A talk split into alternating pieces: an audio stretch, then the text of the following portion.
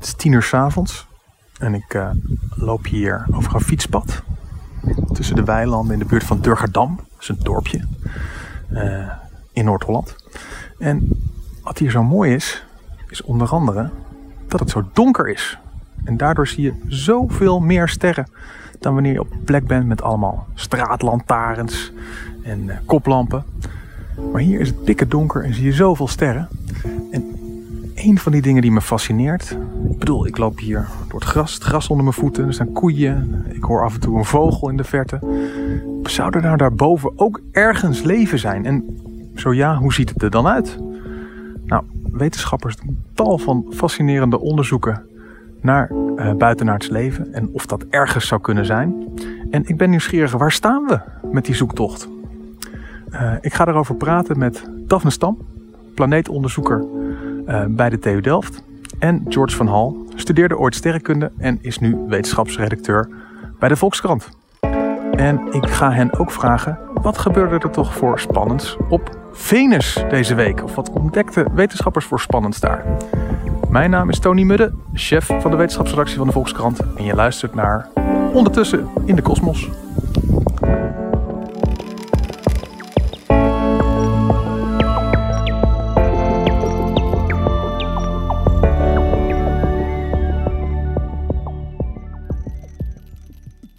Daphne Stam, planeetonderzoeker bij de TU Delft. Ik ben nieuwsgierig. Wanneer raakte jij ooit gefascineerd door de zoektocht naar buitenaards leven? Nou, dat is eigenlijk een beetje geleidelijk gegaan. Ik heb ook geen sterrenkunde gestudeerd, maar gewoon uh, natuurkunde. -hmm. um, maar ik ben toen afgestudeerd in planeetonderzoek. En ik heb daarna een tijdje bij het KNMI gewerkt in de aardobservatie. Dus uh, vanuit dat onderzoek heb ik de aarde heel goed leren kennen.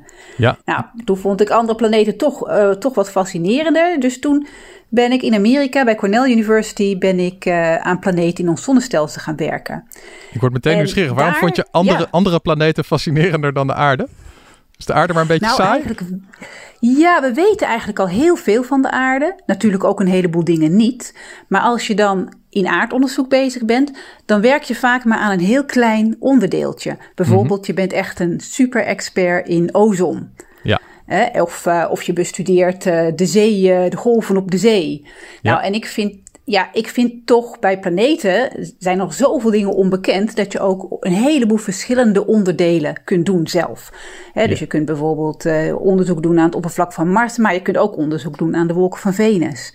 Ja, dus precies. je bent wat vrijer. Ja, ja. De, de grote openstaande vragen zijn er daar gewoon nog meer. Ja, en ook. Um, uh, je hoeft ook niet zo heel erg precies te zijn. Ja, dat klinkt een beetje vreemd voor een onderzoeker. Maar als je op aarde echt een doorbraak wil, uh, wil bereiken, mm-hmm. bijvoorbeeld in ozononderzoek, dan heb je een hele hoge nauwkeurigheid nodig en een hele, hele precieze metingen van kleine stukjes van de aarde bijvoorbeeld. Mm-hmm. En omdat het bij veel planeten nog zo weinig bekend is, ja, kun je met wat grotere stappen, uh, grotere stappen ook in je onderzoek eigenlijk doen. Ja, precies. En, en, en dan de, de vraag naar van, ja, is er daar ook, ook leven? Wanneer is, is dat je gaan, uh, gaan, gaan fascineren? Nou, toen ik dus in Amerika kwam, toen werd ik tijdelijk in het kantoor van Carl Sagan gezet. Ja, helaas was hij zelf net een paar jaar daarvoor overleden. Moet je even de, de, luisteraars was... helpen? Wie is Carl Sagan ja. ook alweer? Nou, Carl Sagan is dus een astronoom, een planeetonderzoeker. Maar hij is vooral heel erg bekend ook om zijn outreach. Dus hij had zo'n een heel beroemd programma op de televisie. Mm-hmm. Uh, dat Cosmos heette. Nou, daar is ook een nieuwere versie van gemaakt. En ik heb vroeger Cosmos niet in Nederland op de tv gezien. Uh, dus ik was me er niet zo bewust van. Maar in Amerika was dat het programma. Ja. En, ja, en Carl Sagan is ook de schrijver van allerlei boeken. En bijvoorbeeld de film Contact. Dat ah. is gebaseerd op een van zijn boeken. Ja. En, ja, en ik mocht dus in dat kantoor zitten. En toen begon ik me eigenlijk ook een beetje te verdiepen in wat hij nog meer had gedaan. Boeken lezen en zo. En uh, ja, en toen uh, dacht ik eigenlijk van, nou ja, uh, hè, die planeten bij andere sterren waren toen ook net ontdekt. Mm-hmm. maar daar wisten we nog heel weinig van. Nou, en toen, ja, toen kwam dat eigenlijk op van, nou ja, hoe ziet zo'n aarde er eigenlijk uit? En ja. Uh, ja, en dan is de volgende vraag natuurlijk van, nou, wat, wat is nou herkenbaar aan de aarde dat er leven is? Ja. Dus zo ben ik er een beetje ingerold. En, en George, wanneer begon het bij jou, de fascinatie voor, uh, voor, voor mogelijk buitenaards leven? Ja, ik, ik, weet dat eigenlijk niet zo heel goed meer. Zo, zolang als ik me kan herinneren, uh, ben ik eigenlijk al wel, nou ja, niet, niet de hele dag bezig met, uh, met buitenaards leven, maar vind ik het al wel een ontzettend fascinerende vraag. Ik, ik, ik vermoed eigenlijk dat het gewoon een beetje begonnen is in uh, de wereld van de science fiction. Mm -hmm. Ik keek als, als klein ventje al met mijn moeder mee naar, naar Star Trek. Die vond dat een hele leuke televisieserie. Ja. Ik, ik verwacht dat het daar eigenlijk een beetje begonnen is. Bij, bij science fiction series, science fiction films, science fiction boeken. Toen ik wat ouder werd, heb ik overigens ook alle boeken van, uh, van Carl Sagan gelezen. En ja. Uh, uh, nou ja, dat heeft ook mijn, mijn fascinatie voor het onderwerp verder, verder aangewakkerd. En uiteindelijk ben ik sterrenkunde gaan studeren, ook om meer over dat heelal te leren. En daar ook ja, wat dichter bij betrokken te zijn. En uh, uiteindelijk de beslissing genomen om daarover te gaan schrijven. Onder andere over dat, uh, over dat buitenaards leven. Dus ik hoop nog steeds dat ik daar een keertje uh, ja, onze voorpagina mee mag vullen. Met het nieuws dat uh, buitenaards leven definitief ontdekt is. Ja, precies. Ja. En, en is het nou zo, George, ik bedoel, wetenschappers die zijn al nou, al eeuwenlang uh, zijn, zijn ze ermee bezig met van, zijn we hier alleen in het heelal? Waarom houdt die vraag al zo lang zoveel mensen en zoveel wetenschappers bezig? Wat, wat, wat, wat is dat? Ja, dat is, een, dat is een lastige vraag. Want ik denk dat dat voor heel veel mensen misschien heel verschillend is waarom je dat, uh, waarom je dat interessant zou vinden. Mm -hmm. um, kijk, voor mij, als ik, als ik nadenk over het heelal, en dan, dan realiseer je je vanzelf wat een verschrikkelijk klein planeetje we met z'n allen hebben. Als je het vergelijkt met de, met de duizelingwekkende afstanden van de rest van de kosmos. Ja. En als je je dat gaat realiseren en je gaat je bedenken, ja, de rest van dat heelal, dat is, uh, dat is volledig leeg. Daar valt uh, verder geen leven meer in te vinden. Dat is in zekere zin ook wel een heel eenzame gedachte. Dus dan, ja. uh, dan, dan zou je ergens wel willen dat er nog meer leven bestaat. Mm -hmm. um, gewoon omdat dat een, uh, een, een mooier idee is. Tegelijkertijd leert het ons natuurlijk ook meer over hoe het leven op aarde ooit ontstaan is. Wat ook een van de, van de grote wetenschappelijke vragen is. Dus aan alle kanten is het een, is het een vraagstuk dat ontzettend interessant is. Ja, en nou was deze week het, het, het grote nieuws, uh, George, van er is misschien leven ontdekt op Venus. Uh, nou, Venus, dat is geen verre planeet, dat is relatief dichtbij. Ja. wat, wat, wat denken ze daar ontdekt te hebben? Ja, ja op, op planeetschaal kan het bijna niet dichterbij hè, dan Venus. Dus uh, het, is inderdaad, uh, het is inderdaad om de hoek, kosmisch gezien. Ja. Uh, wat daar gevonden is, is een, is een signaal van fosfine in, in de atmosfeer van die planeet. Fosfine is een vrij simpel molecuul. Het heeft één fosforatoom, drie waterstofatomen. Dus redelijk overzichtelijk. Maar toch, hier op aarde ontstaat het bijna niet op natuurlijke wijze. Eigenlijk alleen bestaat er een vermoeden dat, dat sommige bacteriën dat spul produceren in, in afwezigheid van zuurstof de meeste uh, bacteriën die hebben een soort uh, zuurstofstofwisseling. Uh, en als dat niet aanwezig is, dan kunnen die bacteriën ook fosfine produceren. Ja. Um, ja, als dat zo is, en dat is een van de weinige manieren waarop het op een planeet zoals aarde kan ontstaan, dan zou dat ook wel eens zo kunnen zijn op een planeet zoals Venus. Zijn er ook nog wel andere ontstaansmogelijkheden. Uh, er kan uh, chemie optreden bijvoorbeeld bij een blikseminslag. Of uh, misschien kan er wat omhoog gegooid worden met een vulkaanuitbarsting. Maar deze onderzoekers die dit resultaat bekend hebben gemaakt, die hebben die andere dingen nagerekend. En dan berekend hoeveel fosfine dat zou opleveren. En bij elkaar kwamen ze aan niet genoeg fosfine om de hoeveelheid die ze dan in de atmosfeer hebben gemeten te verklaren. Dus blijft die mogelijke verklaring van leven blijft op tafel liggen. En dat, ja, het zou dus zomaar kunnen. En dat maakt het, uh, dat maakt het nieuws spannend. Wat denk jij, Daphne Stamt? Wat dacht jij toen je dat nieuws hoorde? Dacht je van, nou, misschien hebben ze echt wel sporen van leven ontdekt? Of, of kreeg je meteen argwaan? Nee, uh, en het grappige is dus, het lijkt nu wel een podcast over Carl Sagan te worden, maar die heeft al in de jaren 60 van de vorige eeuw zo gezegd van, nou, misschien zitten in de wolken van Venus wel leven. En eigenlijk sinds die tijd is dat steeds wel een beetje blijven hangen, mm-hmm. omdat er bijvoorbeeld ook een soort, uh, er is een heleboel absorptie van UV-straling in de wolken van Venus. En we weten ook niet uh, welk stofje daarvoor verantwoordelijk is. Ja. He, dus daar is ook al eerder van gesuggereerd, misschien zijn dat wel een soort uh, microben. Dus het was wel heel verrassend nieuws dat ze dus eigenlijk weer een nieuw stofje hebben gevonden. Mm-hmm. Maar uh, het idee van misschien is er wel leven in de wolken, ja, dat, dat is niet helemaal nieuw. maar ja, ja, dit is dus wel weer een aanwijzing en een reden om er toch weer wat beter naar te kijken. En dat maakt deze ontdekking zo ontzettend spannend. En je, zegt van ja, we hebben een, ze, ze hebben een stofje ontdekt in de wolken. Er, is niet daar iemand met een schepnetje naartoe gegaan, hè? Want hoe, hoe hebben ze dat ontdekt? Nee, nou ja, elk, elk molecuul of elk atoom hè, die, die, heeft, die absorbeert straling van de zon en ook straling van de planeet zelf.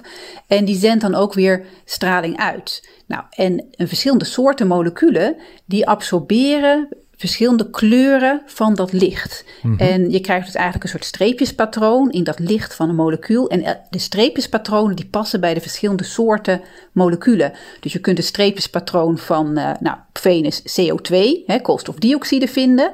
Want die hele atmosfeer bestaat eigenlijk uit uh, koolstofdioxide. Ja. En ook bijvoorbeeld een heel klein beetje zuurstof. Dus streepjespatroon van zuurstof of wat andere stoffen. Maar dus ook van dat fosfine. Dus met, uh, met twee telescopen op aarde hebben ze dus naar Venus gekeken, uh, precies naar die kleuren licht, ja. uh, die dus fosfine absorbeert. Dus, hè, dus je meet daar bijna geen signaal bij die kleur en dat, ja, dat is dus eigenlijk vrijwel zeker fosfine. Ja, het probleem van die telescoop, ja, dus de kleur van het licht is een soort vingerafdruk voor, voor, van wat voor, wat voor gas kijken we nou eigenlijk naar? Precies, ja. Alleen het probleem is, hè, Venus is natuurlijk relatief dichtbij. Uh, maar met deze telescopen kunnen ze niet een heel precies plaatje maken van Venus. Dus je kunt niet heel precies zien waar dat stofje nou zit. Of het nou uh, hele grote gebieden zijn op Venus of wat kleine plukjes hier en daar. Ja, dat, dat kun je uit deze metingen niet goed halen. Ja, okay. Dus uh, dat zou een volgende stap zijn. En uh, George, stel ik zou uh, denken van, nou ja, nu wil ik het zeker weten ook. Uh, ik stap vandaag in mijn raket en ik ga naar Venus toe om, om door die wolken te vliegen. Hoe lang ben ik dan op weg? Nou ja, dat, dat ligt er een beetje aan wanneer je vertrekt en, en waar Venus op dat moment staat. hè? Want, want de aarde en Venus draaien natuurlijk allebei om de zon. Dus de, de afstand tussen die planeten varieert en ook de route die je, die je zou kunnen afleggen varieert. Maar het, zo grofweg ben je denk ik een halfjaartje onderweg als je een gunstige uh, lanceervenster pakt. Ja. En uh, uh, ja, dan, dan kun je daar in theorie in je ruimteschip een, een schepje gaan nemen inderdaad. En overleef ik dat? Of, of is, is het daar 600 graden en, en smelt ik meteen weg in mijn ruimtepak? Uh, het ligt er allereerst denk ik aan of je een beetje fatsoenlijk ruimteschip hebt gebouwd. Ja. Uh, laten we ervan uitgaan dat dat zo is. Nee, daar in die bovenlagen waar ze hier onderzoek naar hebben gedaan, daar is het voor ons aangenaam toeven. Het is zeg maar t-shirt weer, een gaatje of 30. T-shirt weer, Dus aan de temperatuur zul je de temperatuur zul je niet, over, zul je niet overlijden. Dat, is het, dat is het goede nieuws. Het is daar wel heel zuur. Um, dus als je met een, met een ruimteschip daar naar, naar binnen vliegt, moet je daar denk ik wel wat, wel wat aan gedaan hebben. Of een heel handig schepnetje hebben. Lang genoeg zodat je wat, wat verder boven die atmosfeer kunt blijven hangen. Ja, daar zou je denk ik een, een handig ontwerp voor moeten verzinnen. Maar dat kun je zeker op een manier doen dat je het overleeft. Overigens denk ik dat er geen mensen naartoe zullen vliegen hoor. Dat zullen onbemande, onbemande zondes zijn die zo'n soort missie gaan, gaan uitvoeren. Ja, dat is waarschijnlijk toch wat, wat, uh, wat veiliger. Ja, en we hebben het nu over, ja. gehad over ja. Venus, waar ja, dan mogelijk uh, iets is gevonden wat wordt afgescheiden door, ja, door, door, door, door hele kleine organismen. Maar er zijn natuurlijk nog veel meer spannende ontwikkelingen uh, in de zoektocht naar buiten naar het leven. Daphne Stam, wat, wat vind jij op dit moment nou echt een spannende ontwikkeling? Dat je denkt van waar je op zit te wachten, zo van nou, ik ben echt heel benieuwd wat ze daar gaan ontdekken. Um, nou, er is natuurlijk ook een uh, missie van, uh, van, van ESA, dus de Europese Ruimtevaartorganisatie, die uh, gelanceerd gaat worden naar Jupiter. Mm -hmm. en dat is over een paar jaar is die lancering al. Het loopt allemaal op schema, is wat ja. ik het laatst heb gehoord. Maar die missie die komt daar zo begin jaren 30 aan. En Jupiter heeft een aantal hele interessante manen. Het is natuurlijk wel heel koud, hè. Jupiter zit ver weg van, van de zon. maar er zit een in ieder geval één ijsmaantje bij Jupiter. Dat maantje heet Europa. Dus dat is eigenlijk een maantje is gemaakt van rotsen. Uh, maar daaromheen zit een hele dikke ijslaag. Dus van buiten ziet hij eruit als een ijsbolletje. Mm -hmm. Maar onder dat ijs uh, zit heel waarschijnlijk een oceaan. Uh, en, oh, wow. dat, die, ja, en die maan die wordt een beetje gemasseerd in feite als hij om Jupiter heen draait door het zwaartekrachtsveld van Jupiter. Dus dat zijn getijdenkrachten. En daardoor ja, blijft dat oceaanwater ook, ook warm. En daardoor, wat misschien belangrijker is nog, uh, komen er waarschijnlijk voedingsstoffen, uh, mineralen en dergelijke uit de bodem, uit de rotsbodem van dit maandje in de oceaan. En dan heb je eigenlijk een situatie die vergelijkbaar is uh, met de bodem van oceanen op aarde. daar heb je ook van die onderwatervulkanen waar de continentale platen uit elkaar gaan. Mm -hmm. Er zitten van die Eh, black smokers noemen ze dat. Daar zit heel donker, geen zonlicht, heel diep onder het water. Maar daar zit wel allerlei leven, omdat er dus voedingsstoffen uit de bodem komen. Dus ja, er wordt gedacht dat dat misschien op Europa ook het geval kan zijn. Nou, nu kan die, die missie, die eh, ruimtesonde, die gaat niet landen op Europa. Uh, maar die gaat er twee keer heel erg vlak langs vliegen. En daarmee kan in ieder geval goed gekeken worden naar barsten in het ijs. Want er zitten allerlei barsten in dat ijs. En er ligt ook bijvoorbeeld een beetje mysterieuze bruine materie ligt er zo langs die barsten. Dus in ieder geval kan er gekeken worden of er misschien toch aanwijzingen zijn voor levensvormen die misschien door die barsten met water omhoog komen. Dus dat, dat is wel iets heel spannends. Uh, het duurt natuurlijk wel even voordat we daar resultaten van hebben. Ja. Maar er wordt heel hard aan gewerkt. Ja, en dan heb je natuurlijk altijd nog uh, planeten bij andere sterren. ja. Daar komen we ook steeds meer over te weten, over die exoplaneten. Ja, even voor de leek, want we hebben het nu gehad over planeten die om onze eigen zon draaien. Dan hebben we het, uh, hebben het over Venus relatief dichtbij, Jupiter al een stukje verder weg. Maar dan al die andere sterren die wij s'nachts aan de hemel zien, dat zijn ook eigenlijk een soort zonnen. En om die andere sterren, daar draaien dus ook heel veel planeten. En, en, en daar heb je het nu over, hè, met die exoplaneten. Ja, vertel ja, verder. precies. Ja, ja, dus de eerste planeet bij een andere ster, die werd in 19, uh, eh, nou, 1995 werd de eerste planeet bij een ster zoals de zon ontdekt. Maar inmiddels weten we wel dat eigenlijk om elke ster die je aan de hemel ziet, wel planeten draaien dus er zijn gigantisch veel planeten. En we hebben ook steeds meer over die planeten geleerd. Uh, en we weten dus ook dat er ook planeten zijn die uh, relatief klein zijn, zoals bijvoorbeeld de aarde en Venus, dus die van rots gemaakt zijn. Ja. Uh, er zijn ook een heleboel hele grote planeten, gasreuzen, maar ook een heleboel kleintjes. En wat nog interessanter is, er zijn ook een heleboel van die kleine planeten die uh, op een afstand staan van hun ster, mm waardoor je daar een lekkere temperatuur zou verwachten dus eh, dat, dat noem je de bewoonbare zone, de mhm. habitable zone. Ja. Uh, als je de aarde dichter bij de zon, veel dichter bij de zon zou zetten, dan zou die eigenlijk te warm worden voor, voor leven, omdat het te warm is om water op het oppervlak te hebben, vloeibaar water. Als je de aarde verder weg zou zetten, zoals Mars, ja, dan wordt de aarde veel te koud en dan heb je ook geen vloeibaar water meer. Dus dan is die eigenlijk ook niet meer goed bewoonbaar. Nou ja, en we weten dus dat er planeten zijn van rotsen gemaakt, zoals de aarde ja, die dus in die bewoonbare zone zitten van hun ster. Ja, dus dan, uh, ja, dat is natuurlijk een logische plaats om dan te gaan kijken of daar misschien leven is. Dat is een waanzinnig idee, toch? Dat gewoon, dus als ik, als ik s'nachts naar de sterrenhemel kijk en ik zie al die sterren, dan zijn, dan zijn er dus nog meer planeten die daar uh, om die sterren heen draaien. Ja, want, ja, precies, want sterren, de meeste sterren hebben wel meer dan één uh, planeet, ja.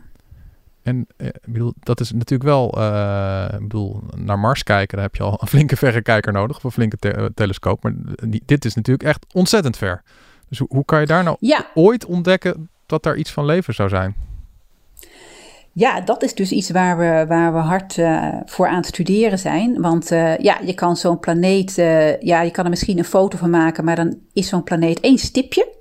Mm -hmm. dat is wel weer leuk te vergelijken met een foto van de aarde die uh, in 1990 is gemaakt door de Voyager 1, de mhm. ruimtesonde. Die was toen op ongeveer uh, eh, 6 miljard kilometer van de aarde weg. En toen gaven ze hem de opdracht, ook weer een idee van Carl Sagan trouwens, om eens om te keren en richting de aarde te kijken en een foto te maken van de aarde.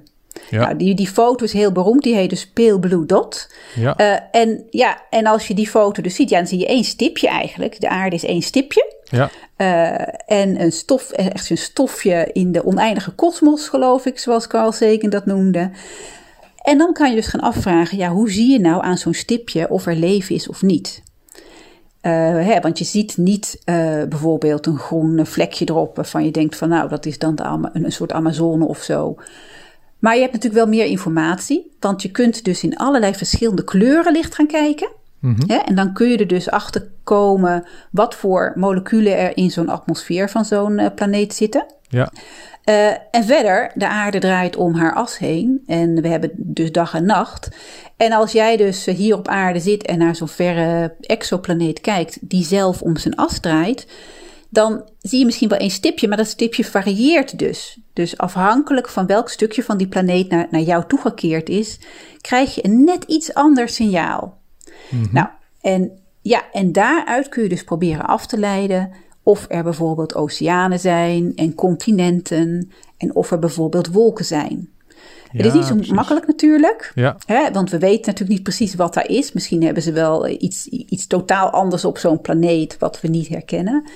Maar op die manier kan je dus zoveel mogelijk informatie eh, ja, uit dat ene stipje licht proberen te halen. ja precies. En, en, en George, ik, ik, bedoel, eh, ik, heb, eh, kijk wel eens televisie en dan zie ik ook wel eens zo'n zo'n film over dat ze dan echt naar, naar signalen van ruimtewezens aan het zoeken zijn. Of daar iets een soort intelligent signaal dat op ons wordt afgevuurd met hallo, wij zijn hier, zeg eens wat terug. Eh, Ja, zit, zit daar nog toekomst in of hebben ze daar inmiddels de hoop opgegeven? Nou, er zijn al behoorlijk wat pogingen gedaan om dat soort eh, radiosignalen op te vangen. Dat heeft tot nu toe inderdaad eh, nog, eh, nog helemaal niks opgeleverd. Dat gaat ook nog wel weer even door. Ehm, ja, de vraag is, vind je dat inderdaad ooit? Het zou wel, het zou wel prettig zijn hè, als je zo'n zo'n signaal meet. Want dan heb je niet meer dat gedoe met, met zo'n planeet... waar je hele kleine priegelige details op moet, op moet zien los te weken. En nou ja, je ziet nu al hoe moeilijk het is om bij onze planeet eh, naast de deur te bewijzen dat, eh, dat zo'n stofje wat je in de atmosfeer ziet, dat dat inderdaad van, van leven afkomstig is. Nou, stel je maar voor dat je zo'n soortgelijke meting doet eh, bij een planeet dan heel veel verder weg. Ja. Ben je ook nog niet echt opgeschoten eigenlijk. En dan is zo'n radiosignaal natuurlijk wel makkelijk. Dus ja, dat is ook de reden dat mensen daar naar speuren. Het is wel een ander soort leven waar je dan naar zoekt. Hè? Want we hebben het, op Venus hebben we het over bacteriën. Ja. En beschavingen die radiosignalen uitzenden, ja, dan heb je het ineens alweer over doorgeëvolueerde intelligente wezens. En wel een heel ander klasse, een heel ander type waar je naar zoekt. En eh, misschien ook wel een, eh, een nog grotere ontdekking natuurlijk. Maar eh, voorlopig heb ik er een hard hoofd in dat we op korte termijn eh, zo'n signaal gaan opvangen. Dus IT blijft Ja, even... zeker ook als je, ja, als je kijkt naar de aarde. Hè, hoe, lang, eh, hoe lang zijn er nou eh, organismen op aarde die inderdaad radiosignalen uitzenden? Het grootste deel van, de, van het leven van de aarde zaten er alleen maar micro-organismen op de aarde. Ja, dus, eh, wij zijn er pas radiosignalen. relatief kort. Precies, heel erg kort. Echt super kort. ja, dus bij de meeste planeten om ons heen, exoplaneten om ons heen, ja, als er leven is, dan is het waarschijnlijk in een soort heel vroeg stadium.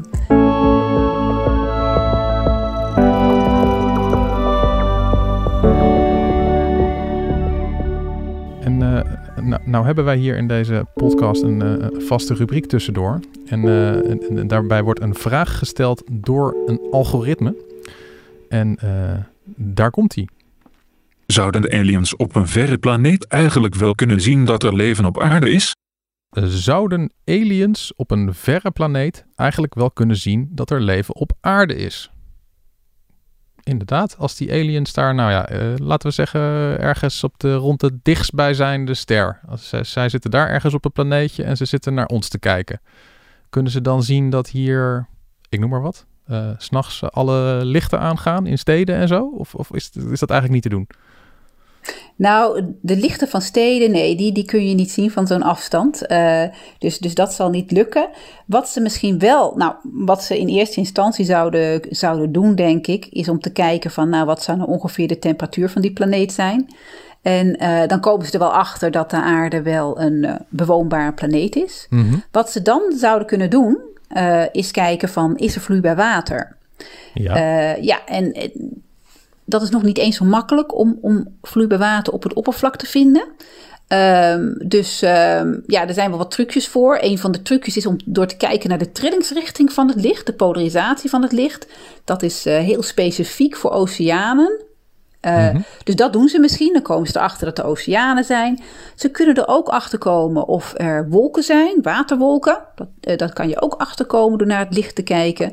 Maar verder, ja, misschien kunnen ze vegetatie herkennen. Want vegetatie heeft, nou net als, als die moleculen, uh, heeft eigenlijk een heel apart patroon van absorptie uh, van licht. He, de vegetatie hier om ons heen is, uh, is groen, dat zien wij. Mm-hmm. Maar die vegetatie is eigenlijk nog veel sterker verlicht in het infrarood. Dus als wij dat zouden kunnen zien, dan zou alles er alle planten zouden er infrarood uitzien.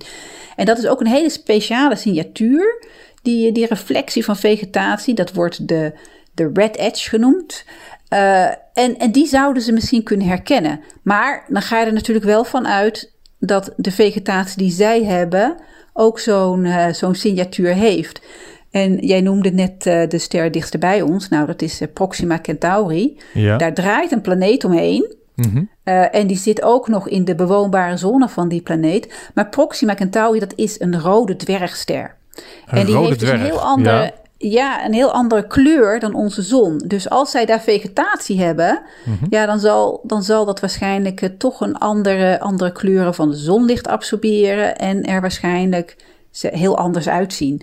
Dus misschien herkennen zij die, eh, die eh, red edge eh, signatuur van onze vegetatie helemaal niet als vegetatie. Dat zou wel een probleem zijn. Oh. Maar ja, ze kunnen misschien wel. Ja, ja dus dat, daar moet je ook rekening mee houden. Hè? Dat we natuurlijk zoeken naar dingen die wij kennen van het leven op aarde. En misschien, eh, ja, misschien heeft dat andere leven hele andere kenmerken. Maar ja. ik, vind, ik vind dat wel Maar echt een gek idee hoor. Want dan heb je dus dan, weet je, we, Ja. we leven hier op een planeet, het, bruist van het leven, weet je wel. Je, de, de- overal, Ja, loop je te- overal loop je tegen het leven aan. En als dus de, de, de, Ja. de, de aliens vanaf hun planeet naar ons zouden kijken, dan, dan, dan, dan krijgen ze alleen maar een soort vage aanwijzingen van, nou ja, het, het, het is er wel een aangename temperatuur en misschien dat er ook wel een beetje water is.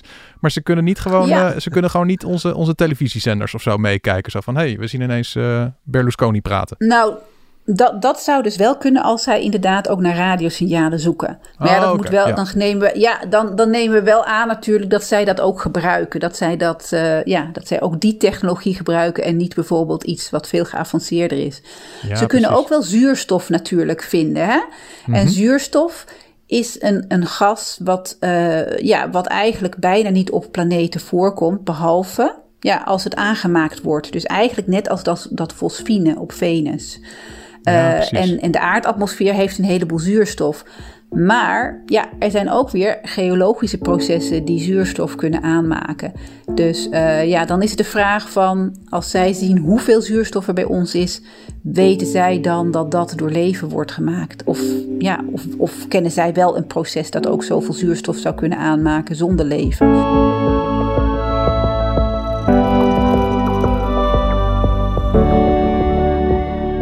Ik zie nu ineens een plaatje vormen met twee aliens die met elkaar praten. En die zeggen van, joh, op die planeet daar, daar is best wel wat zuurstof. En dan zegt die ene alien tegen die andere alien van, ah nee joh, dat is, dat is, dat is echt geen, eh, geen, geen boom of gras hoor. Dat is gewoon iets wat daar uit, de- uit de grond wasemt. Daar is echt geen leven. En dat ze dan weer doorgaan naar de volgende planeet. Ja, ja. En- ja, ja het is ook de vraag of, of, of, zij, of zij zelf zuurstof nodig hebben natuurlijk. Hè? Dus eh, of, Ja. ze, of Ja. zij ons zouden uitzoeken of ze dat een interessante planeet vinden. Ja, Ja, Ja, en het gaat, er- het gaat er natuurlijk bij deze vraag ook nog eens om ehm, hoe geavanceerd die, die, die buitenaardse beschaving die daar om Ja. die nabije ster eh, draait nou precies is. Ja. We gaan er dan nu van uit dat ze ongeveer grofweg onze mogelijkheden hebben. Ehm, ja, misschien zijn ze wel veel beter in het eh, kijken naar, eh, naar verre planeten dan dat wij zijn.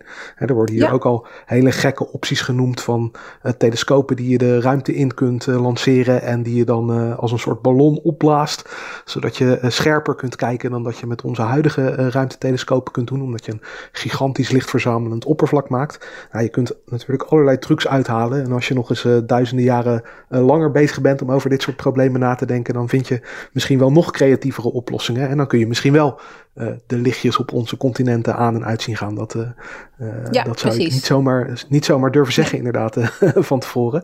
Ehm, maar zo zie je maar, het hangt van zo vreselijk veel van dat soort eh, eh, aannames af. Ehm, dat je er bijna geen zinnige uitspraak over kunt doen. Want eh, voor hetzelfde geld eh, eh, kijken we helemaal verkeerd. En is het overgrote merendeel van het leven in de kosmos lijkt niet op ons. Maar zijn, weet ik veel, intelligente nevels die tussen de sterren drijven. Of, of slimme sterren of zo. We Ja. hebben geen enkele reden overigens om dat aan te nemen. En het heeft wetenschappelijk ook geen enkel zin om daar nou naar te gaan zoeken. Want dan weet je helemaal niet waar je naar op zoek bent. Ja. Dus onze zoektocht naar buitenaards leven is heel verstandig opgezet. Maar ja, ehm, eh, op een gegeven moment eh, is alles mogelijk als je maar... eh, als je maar lang genoeg nadenkt. Zo weinig weten we eigenlijk nog van, eh, van hoe dat heelal in elkaar zit en hoe, hoe leven kan ontstaan. Maar George, maak, Ja, je, maak wel eens een voorstelling daarvan? Een voorstelling van, van, eh, van hoe zou het eruit kunnen zien als jij daarbij wegdroomt bij die vraag? Wat, wat, wat zie je dan? Ja, ik zie toch uiteindelijk, hè, daar kan ik niks aan doen. Het zijn alle, al die jaren van science fiction series en science fiction films. Ik zie gewoon toch een soort van mensachtige aliens vormen uh, met een gerimpeld hoofdje zoals de Klingons of puntoren zoals de Falcons. of, of misschien is het, uh, is het zo'n uh, eng wezen zoals uit Alien die dan wat meer weggeeft van, van onze horrorwezens. Maar wel herkenbaar als, als zijnde een, een wezen. Ja. Um, of dat terecht is, dat is maar zeer de vraag natuurlijk. En, en jij, de, Daphne, als, als jij een beetje wegdroomt bij die vraag van ja, hoe zouden ze eruit zien? Wat, wat, wat zie je dan? Nou ja, bij geavanceerde levensvormen heb ik inderdaad ook die, die Star Trek uh, beelden in mijn hoofd. Mm um, maar ja, ja verder, verder zullen het waarschijnlijk vooral dus hele kleine organismen zijn. Een soort uh, ameuben of bacteriën inderdaad. Ik denk dat, dat als we leven vinden, dat we het eerste zoiets zullen vinden omdat dat gewoon waarschijnlijk veel makkelijker te vormen is. Ja, tenzij wij natuurlijk zelf gevonden worden hè, door andere levensvormen. Maar we hebben, we hebben nog geen enkele aanwijzing dat er geavanceerde levensvormen uh, buiten de aarde zijn. Maar ja, uh, wat George ook zegt, ja, misschien zien wij het gewoon volledig over het hoofd. Ja. En, uh, en zijn wij gewoon totaal oninteressant voor ze. Ja, kan natuurlijk ook nog dat we gewoon inderdaad ja. niet interessant voor ze zijn. Ja, ik zit gewoon denken, als je gewoon nee, kijkt ja. naar de, de, de, variëteit van het leven op aarde, weet je, jij ziet soms als van die natuurfoto's van van, van sommige wezens die ergens in de diepzee worden gevonden. En het is allemaal zo bizar en zo anders. Dat ik denk van ja, als, het, als je dan ook nog eens naar een andere planeet zou gaan waar de omstandigheden weer totaal anders is, dan de, lijkt me echt, the sky is the limit, zeg maar, voor wat er mogelijk is allemaal. Of, of hoe kijk jij er tegenaan, Daphne? Ja, nou ja, dat is dus het probleem als je maar één planeet hebt met leven. Mm -hmm. Ja, uh, al het leven op aarde is natuurlijk wel op DNA en RNA en bepaalde eiwitten en uh, nucleotiden gebaseerd. Mm -hmm. um, en, en daarom is het juist zo interessant om leven elders te vinden. Hè, op Mars of op Venus of op zo'n maan Europa. Want dan heb je in ieder geval al een eerste blik op... Nou, kan leven ook nog op een hele andere manier opgebouwd zijn...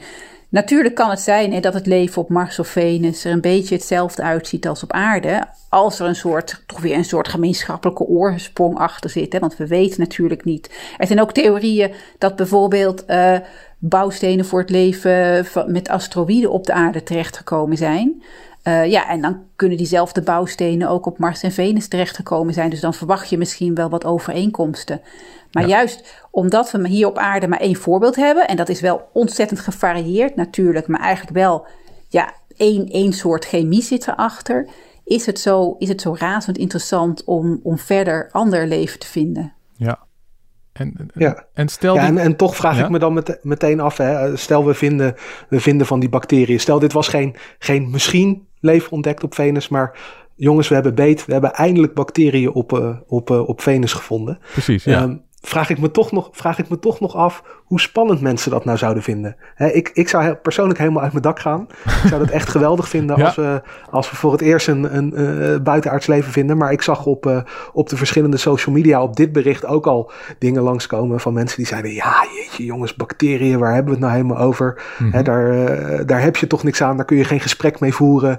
dat is niks interessants. Ja. Dus ik denk dat we tegelijkertijd, of in elk geval een groot deel van de mensheid, misschien ook alweer arrogant genoeg is om, om te zeggen: Nou, als het niet op ons ons lijkt, jongens, dan is het helemaal niet interessant. Dan, dan boeit het me eigenlijk niet of, uh, of dat, nog, uh, dat nog ergens anders voorkomt.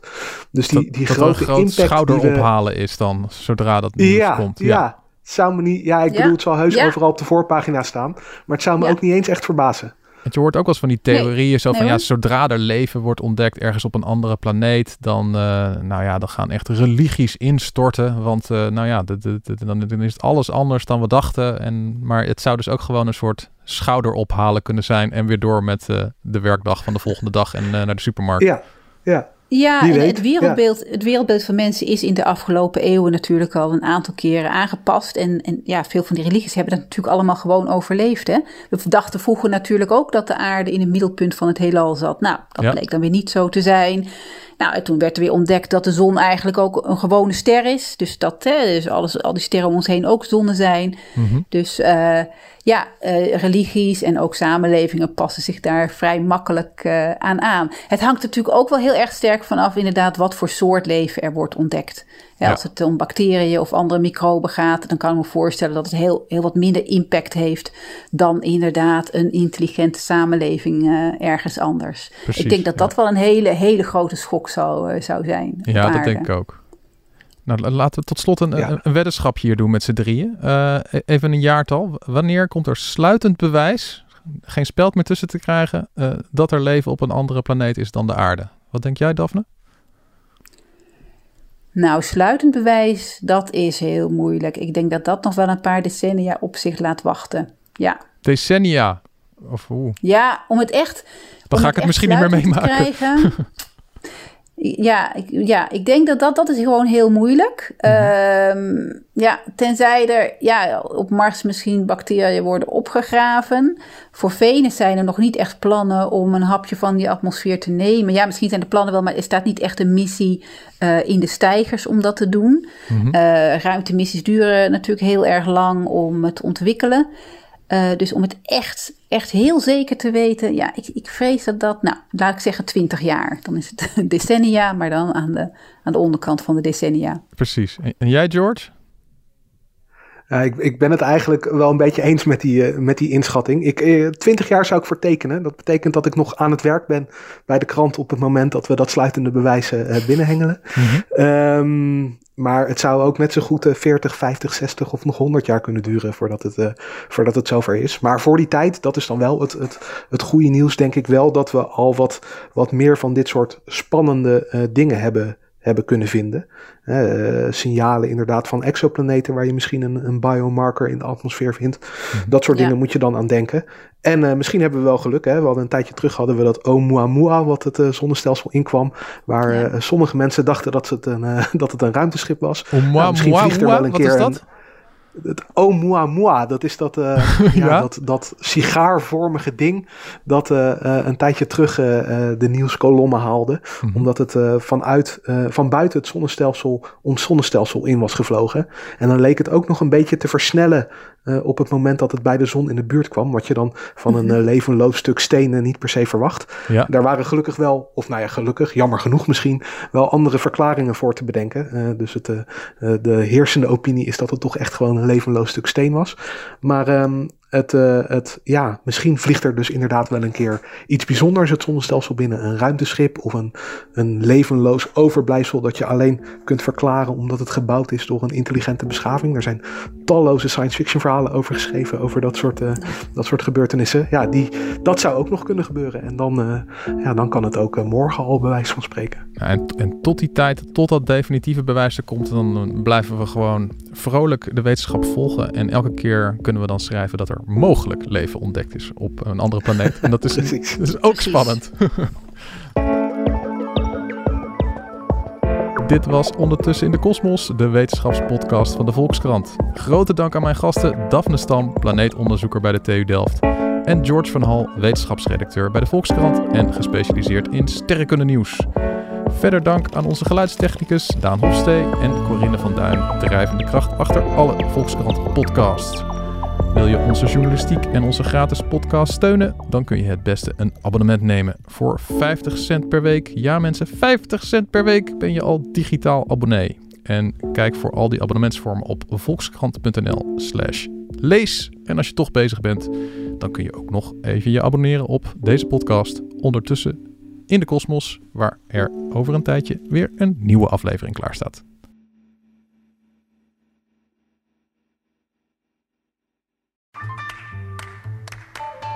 Ik lees de Volkskrant omdat kennis van zaken hebben mij geruststelt. En ik mij daardoor sterker in mijn schoenen voel staan. Eigenlijk zou iedereen de Volkskrant moeten lezen. Gun jezelf ook de Volkskrant. Ga meteen naar volkskrant.nl slash nu. En lees de krant tot wel acht weken voor maar 4 euro. Stopt vanzelf volgens de actievoorwaarden.